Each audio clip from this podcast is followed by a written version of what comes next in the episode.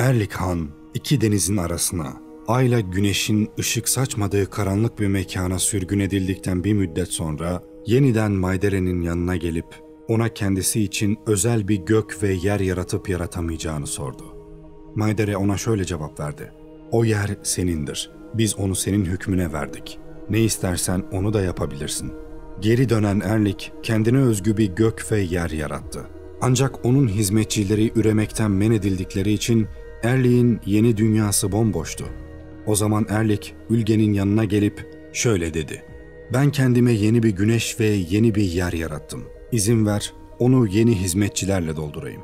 Ülgen onun hizmetçilerinin türeyip artma kabiliyetlerinin ellerinden alındığını bildiği için gülerek şöyle dedi. Git doldur. Erlik hemen secde ederek bu senin bana hayır doğan olsun dedi ve Ülgen'in yanından çıkıp gitti. Kendi mekanına geri dönen Erlik, balyoz, çekiç, kıskaç, körük, örs ve kısacası bir demirci için gerekli olan her şeyi hazırladı. Demiri körükte kızdırarak örsün üzerine koydu ve çekiçle dövmeye başladı. Demiri dövdükçe örsün altından kara neme körmes çıkmaya başladı ve Erlik kendine bu yolla çok sayıda körmes yarattı. Ülgenin bahadırı olan Mangdişire Erlik'in yaptıklarına bakmaya gitti. Erlik onun yanında üç hayvanı, ayıyı, porsuğu ve köstebeği yarattı. Mangdişire ona engel olmak istediyse de Erlik hizmetçilerine Mangdişire'yi oradan uzaklaştırmalarını emretti. Hizmetçiler Mangdişire'yi ateşe tuttular. Onun atının yalını ve kuyruğunu yaktılar. Kendisinin de saçını ve kirpiklerini yaktılar. Mangdişire de onları ok yağmuruna tuttu. Ancak ateşin etkisinden başarılı olamadığı için zafer de kazanamadı ve Ülge'nin yanına gelip bütün olup biteni ona söyledi ve ondan yardım istedi. Erlik güçlü ve vahşi ayıyı, toprağı tahrip eden porsuğu ve yolu çalalar kazarak tahrip eden köstebeği yarattı. Sığırların, koyunların ayakları bu çalalara düşüp kırılacak. Erlik kötü şeyler yapıyor ve eğer onu durdurmazsak daha da kötü şeyler yapacak. Ülgen şöyle dedi.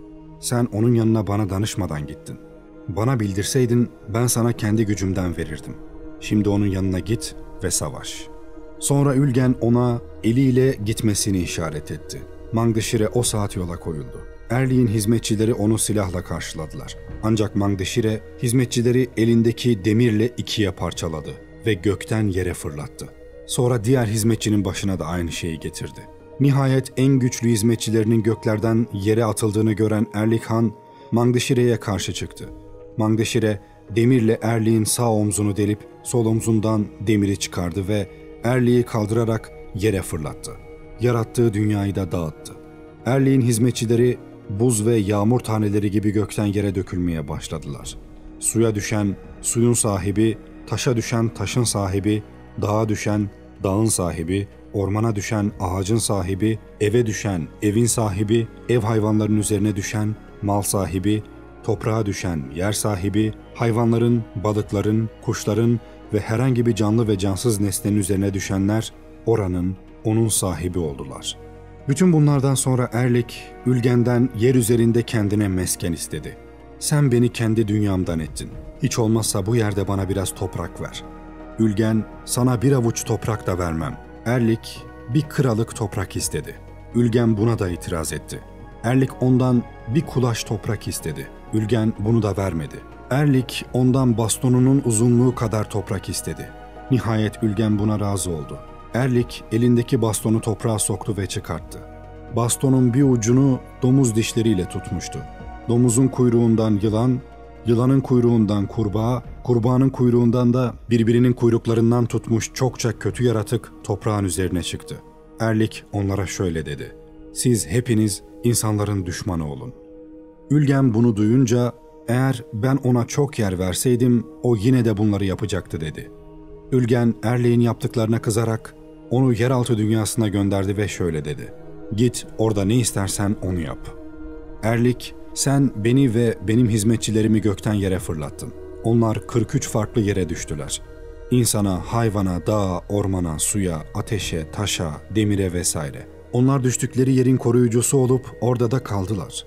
Ben de 43 etkerimi o yerlere göndereceğim ki o yerleri tahrip etsinler, insanları ölüme sürüklesinler. Erlik kendisine yarattığı dünyayla ve çok sayıda hizmetçisiyle bir şey yapamadıkça ve Ülgen tarafından göklerden yere, oradan da yeraltı dünyasına kovulduktan sonra gazabı ve zulmü daha da arttı.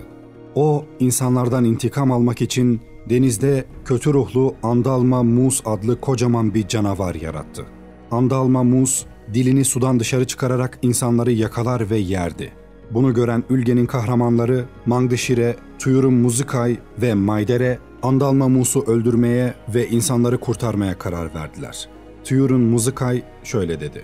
Andalma Mus'u öldürebilecek benden güçlü ve benden kuvvetli hiç kimse yoktur. Bunu deyip göklerden yere indi ve Erkeşudyun adlı bakire bir kızın rahmine girerek Tiamat Tuyur'un adıyla doğdu. Küçük bir çocuk olan Tuyur'un sahil kenarında oynarken Andalma Mus sudan dilini çıkararak onu yakaladı ve başkaları gibi suya doğru çekmeye başladı. Ancak Tuyur'un onu dilinden tutarak o kadar güçlü bir biçimde karaya doğru çekti ki ayağının altındaki toprak çöktü. Toprağa su basmasın diye Tuyur'un suyu içmeye başladı. Suyu o kadar içti ki Andalma Mus'un ayakları görünmeye başladı. Onu ayaklarından yakalayıp sudan dışarı çıkardı ve kaldırıp büyük bir taşa o kadar güçlü çarptı ki kanı etrafa yayıldı. İçi dağılarak taşları yaktı.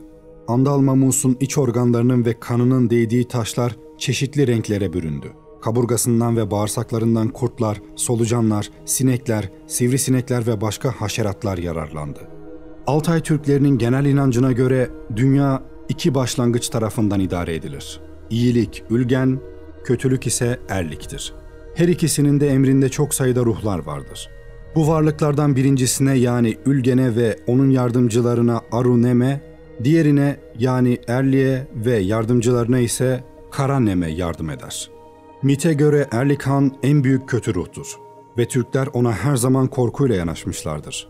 İnsanlar yeryüzünde artıp çoğaldıktan sonra bu iki başlangıca ve onların yardımcılarına çeşitli nedenlerden dolayı kanlı ve kansız kurban sunmaya başladılar. Kurban, cennetten kovulan, yaratıcıyla rabıtası kopan insanın iletişim aracıdır. İşte bu yüzden kurban sunumu bir ritüel içinde sürdürülür ve belli kurallara göre düzenlenir. Ülgen insanlara kötülük edemeyecek kadar iyi ve merhametlidir. O çok samimi ve rahmetlidir. Erlik ise aksine o kadar acımasız ve amansızdır ki kötülük edemeden duramaz. Rahmete, iyiliğe layık olabilmek için insanlar Ülgen'e, gazaba uğramamak için de Erli'ye kurban sunmakla yükümlüdürler.